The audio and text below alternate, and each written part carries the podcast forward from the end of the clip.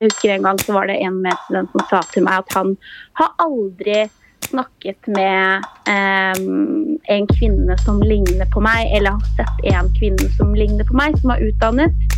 Jeg har jo lært språket, og jeg går i vanlige klær. Og jeg ser imøtekommende ut. Eh, jeg blir jeg sosial, så hva er problemet, liksom? Det er sånn mange ganger at jeg har sittet Når jeg har fått så mange mail med avslag, avslag, avslag, det er sånn Hva er gærent? Den rasismen blir jo tydelig for meg. Jeg tenker det første er Det første som går gjennom tankene mine, er gjør hun dette med alle andre? For det er jo andre folk som kom inn i butikken samtidig som meg, men så var jeg visst den ene hun valgte å følge etter. Hvordan føles det å aldri få jobbene man søker på? Å merke at butikksjefer blir skuffa når de møter deg til intervju? Eller å høre at man skremmer bort kundene fordi man ser ut som man gjør? De demonstrerer jo mot uh, politivold. Uh, og det har vi også sett nå i USA og Europa de siste to ukene. At det har vært demonstrasjoner nesten kontinuerlig siden George Floyd uh, døde etter å ha blitt pågrepet av politiet.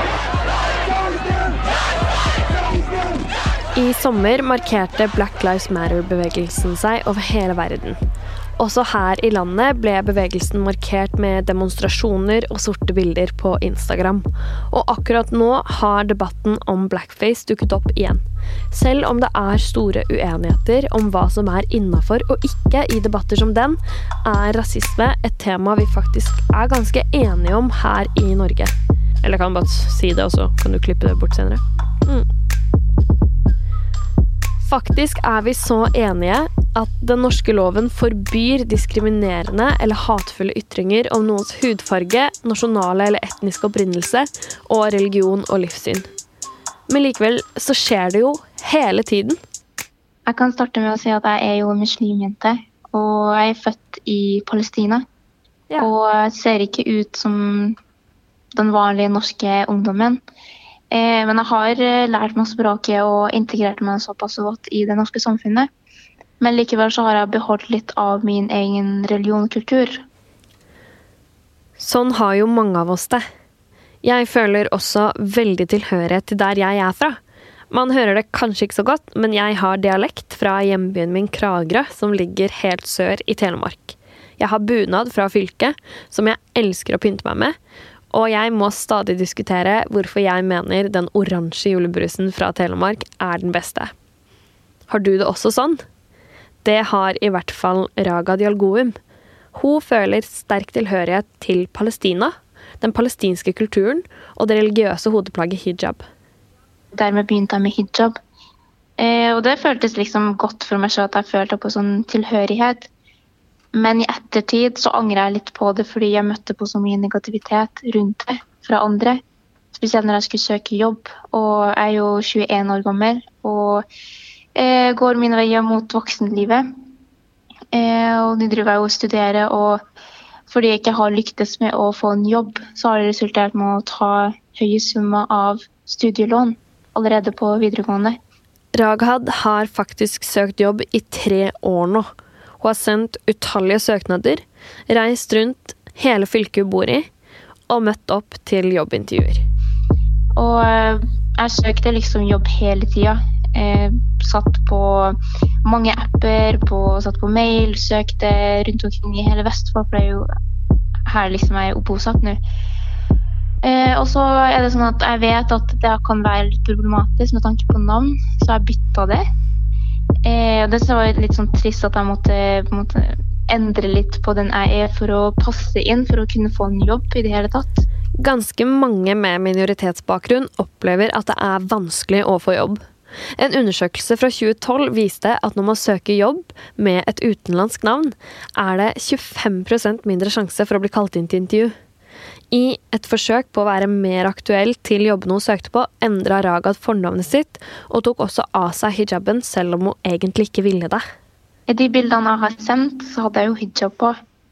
Og i det jeg tenkte var jo Nå kommer de ikke til å i ansette meg. Fordi man hører jo hele tida på nyhetene at det er ikke liksom foretrukket å gå med et religiøst plagg på jobb. Og når man ikke har jobb, går det hardt utover økonomien. Ragad er student og har studielån og stipend som alle andre, men alle vi som har levd på Lånekassen alene, vet hvor lite man står igjen med når husleie, strøm, internett og busskort er betalt for. Når man kun har Lånekassens utbetaling på litt over 8000 kroner utbetalt i måneden, blir det ikke mye penger til overs. Jeg har så mange planer og ting jeg har lyst til å gjøre, og hele pakka, men jeg har ikke råd til det. Jeg kan sitte og ha bare tre kroner på kontoen min, og det syns jeg er veldig stressfullt når du har mange regninger du skal betale. Og at du må liksom være avhengig av et stipend du får, og det er ikke nok heller. Eh, og det påvirker deg også psykisk, at du føler deg ikke bra nok. Det er sånn Jeg har jo lært språket, og jeg går i vanlige klær. Og jeg ser imøtekommende ut. Eh, jeg blir jeg sosial, så hva er problemet, liksom? Det er sånn mange ganger at jeg har sittet Når jeg har fått så mange mail med avslag, avslag, avslag, det er sånn Hva er gærent? Jeg har erfaring. Eh, jeg er i studiet. Eh, jeg vil jobbe. Jeg har mål, jeg har ditt, jeg har datt. Men jeg får ikke jobb. Og da skjønner jeg ikke hvorfor, egentlig. Så det har gått litt sånn på psyken min at jeg føler meg ikke bra nok. Jeg føler at liksom, jeg mestrer ikke å være voksen som alle andre på min alder. Og at man føler at man ikke er bra nok uansett, liksom. Jeg bytta navnet mitt, og det har påvirket meg også, fordi det er jo et, liksom, det navnet jeg har fått, og jeg har kommet med til Norge. Det er jo foreldrene mine som har gitt meg, og det har vært en del av meg. Og så må jeg bytte det for å øke sjansene mine til å få en jobb. Så er det jo lett å tenke at ja, men Ragad må jo bare søke på flere typer jobber. Men det gjør hun. Hun har søkt nesten hva som helst. Jeg har søkt alt fra kafé, restauranter, vanlige butikker, klesbutikker, matbutikker, på bensinstasjoner. Eh, så jeg har søkt i mange år og har ikke fått noe. Eller så har jeg fått ja til et intervju når jeg kommer, så var sånn Å ja, det er du som snakka med meg. Og når du kommer dit og du har fått et ja på telefon og møter opp ansikt til ansikt og blir avvist, så går det mye på psyken. Det er sånn OK, hva har de sett i meg som de ikke likte, på en måte? Fordi jeg er ikke født i Norge. Jeg kom til Norge i 2009. Og jeg bærer mye av minnene og opplevelsene fra hjemlandet mitt, og det har ikke jeg lyst til å miste. Og har ikke lyst til å miste en del av identiteten min, det som har forma meg eller gjort meg til den jeg er i dag, liksom. Ragad forteller at det tær på psykisk, og føler potensielle arbeidsgivere gjør seg opp en mening om hvordan hun er til å jobbe før de i det hele tatt har snakka med henne. Eh, I min erfaring eller situasjonen min, så fikk jeg jo høre eh, når jeg har søkt på jobb og kommet på intervju eller bare for å levere CV og søknad på arbeidsplassen, at jeg ville skremme kundene bort. Og jeg ble litt sånn overraska på at noen har en sånn holdning i det hele tatt, fordi det er jo mange som jobber med hijab. Eh, når hun sa det, så ble jeg sånn Hørte jeg riktig? Var det det du sa, liksom? For jeg har aldri fått den kommentaren før av en arbeidsgiver du, De sier ikke det bare, liksom. Det er ikke riktig å si det til noen. Men etter, hvert, etter mange år så tenkte jeg liksom Det er ikke noe vits i det. Fordi jeg bytta navn, jeg tok av hijaben min også. Eh, og likevel har jeg ikke fått jobb. Så jeg tror ikke det er problemet som ligger i det, men det er bare at folk har generelt fordommer til eh, arbeidskapasiteten din som min minoritet. Alle er her for å få bedre muligheter. Vi kommer hit for å få bedre muligheter, i hvert fall innenfor arbeid og utdanning. Mm. Hva, um, hvor lenge er det du har gått uh, uten jobb og, og, søkt og søkt og søkt nå, da? Eh, nå har det gått tre år. Det har vært konstant søking på jobb. Vært eh, mange steder, tatt busser og, og venta i fire timer og alt det der for å levere jobbsøknad og CV. Mm. Og så har du ikke fått noe positivt svar. Hvis du skulle liksom hatt uh, et ønske, altså hva, hva, er din drømmejobb nå, da? Eh, jeg drømmer jobben i fremtiden. Så jeg har lyst til å liksom, studere juss, og nettopp for å hjelpe folk som sliter i alpakka. Eh, så det er jo en advokat for minoriteter. Eh, per nå så er det uansett hva, bare at jeg får en jobb, bare at jeg føler at hverdagen min er at jeg har mål og mening med det, liksom. At jeg går på skole, jeg skal på jobb. At når folk spør meg om jeg har tid, så kan jeg si å, beklager, men jeg skal på jobb, liksom. Istedenfor å si jo, jeg har tid.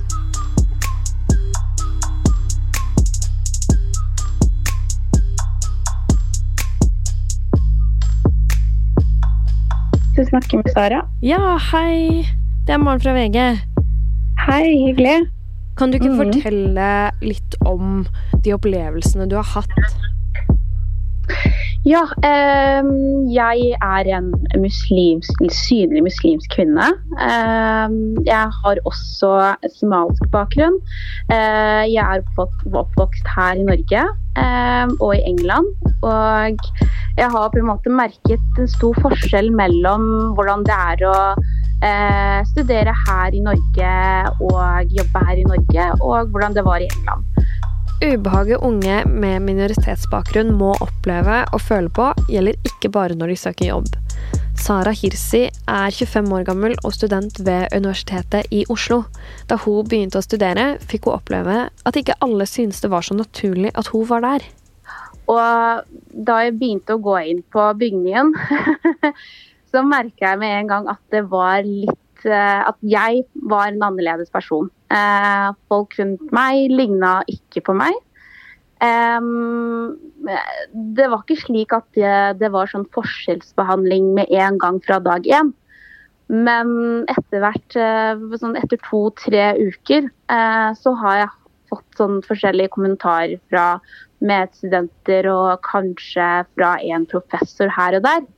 Men en av de rareste hendelsene som skjedde med meg, var eh, en dag da jeg var ferdig med et seminar. Og så skulle jeg gå opp til han seminarlederen min. Um, vanligvis så er jeg en veldig pratsom person. jeg snakker veldig mye, spesielt når jeg snakker på engelsk. Og uh, jeg husker at jeg spurte han uh, spørsmål om en oppgave vi skulle levere. Um, og så sier han til meg etter han svarte på spørsmålet mitt, at jeg er ganske eloquent. Det var det han brukte. Um, og han stoppa ikke der. uh, han fortsatte med å si uh, at jeg er eloquent for your people. Uh, og jeg spurte han unnskyld, hva, hva betyr det?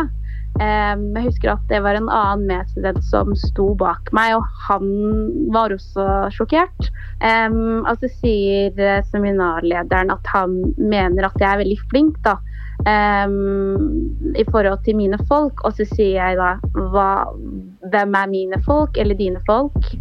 Um, og så fortsetter han med å si at folk som ligner på meg, de er ikke så flinke. Og det var da jeg sa til han det er ikke greit å si sånne ting. Uh, for det i seg selv er på en måte rasisme, uh, den kommentaren. Selvfølgelig så sa han at han var altså, Beklager at han ikke mente det, at intensjonen hans var ikke å være frekk. Men han forsto ikke hvordan han var rasist eh, når han kommenterte altså på den måten. Seminarlederen til Sara sa til henne at hun var veltalende i forhold til sitt folk. Jeg har snakka med fakultetet Sara var student på, og de svarer at de ikke kan uttale seg om enkeltsaker, men at de understreker at læringsmiljøet hos dem skal være trygt og inkluderende for alle studenter. Jeg husker En gang så var det en medstudent som sa til meg at han har aldri snakket med en kvinne som ligner på meg, eller har sett en kvinne som ligner på meg, som er utdannet. Jeg var litt sjokkert, fordi dette her var i 2017. Og uh, altså Det har sikkert vært mange andre studenter som ligner på meg òg, som er utdannet og uh, som jobber her i Norge. Eh, sånne kommentarer måtte jeg høre på ikke hver dag, men kanskje ukentlig, da.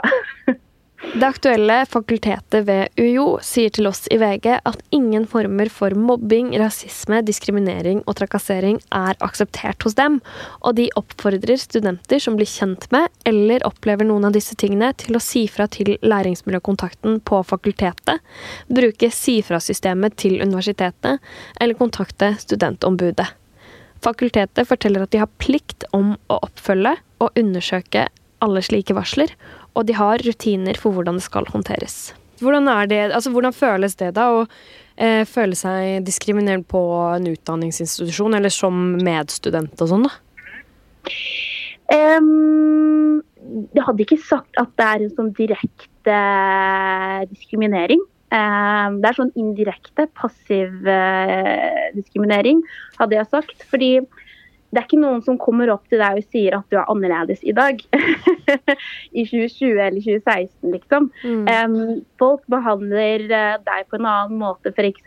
når du står i kø, så kan det hende at de prøver å snike foran deg fordi de tenker at du ikke klarer å snakke for deg selv.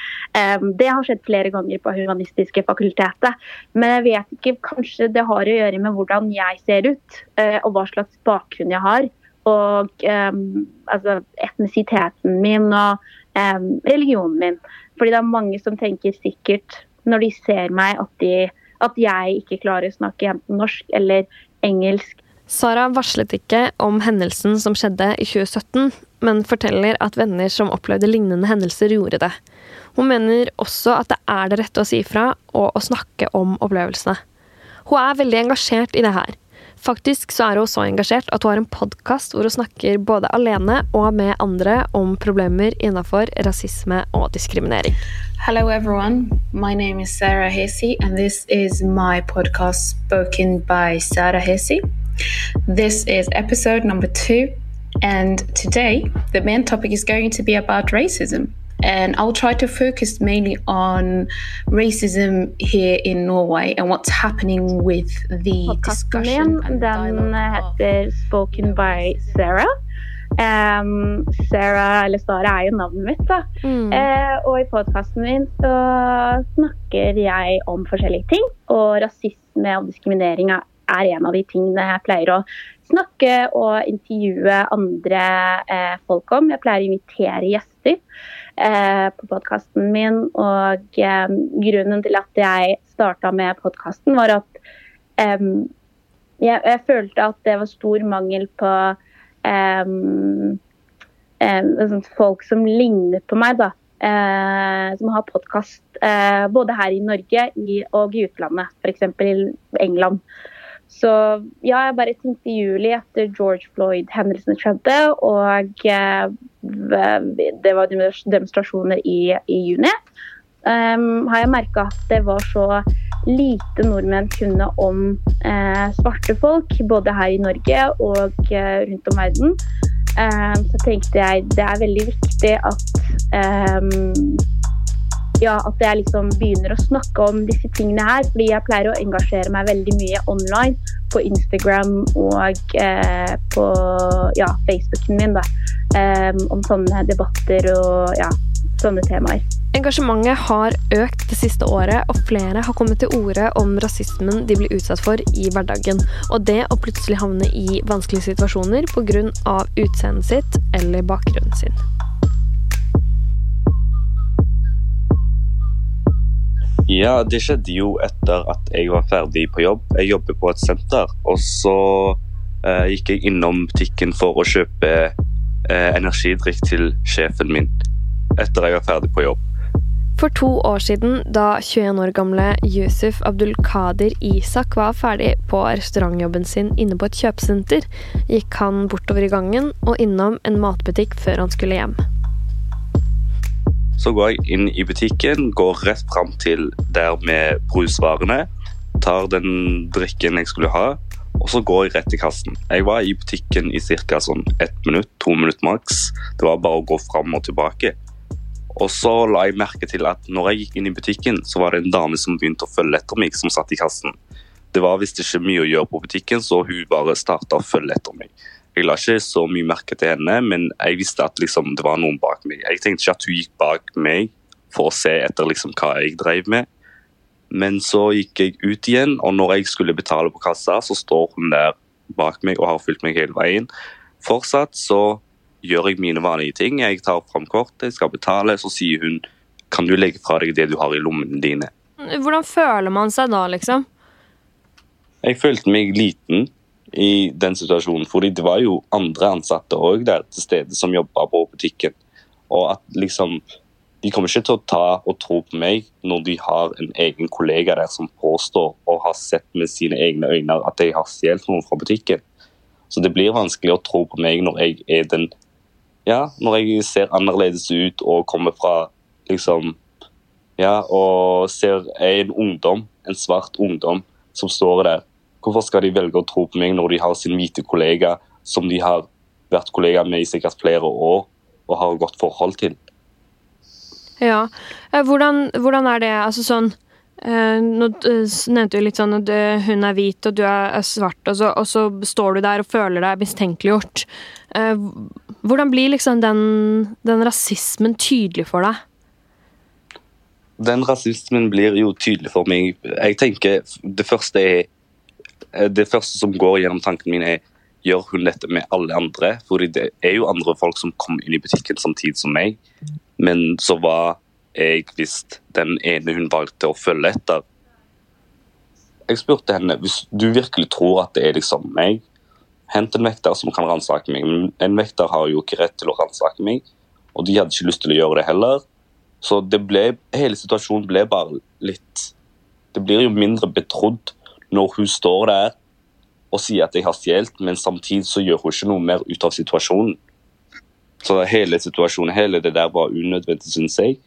Og at liksom det kunne gått utover min arbeidsplass, at jeg kunne miste jobben pga. en sånn ting, syns jeg var Nei, jeg har ikke noe ord for det. akkurat.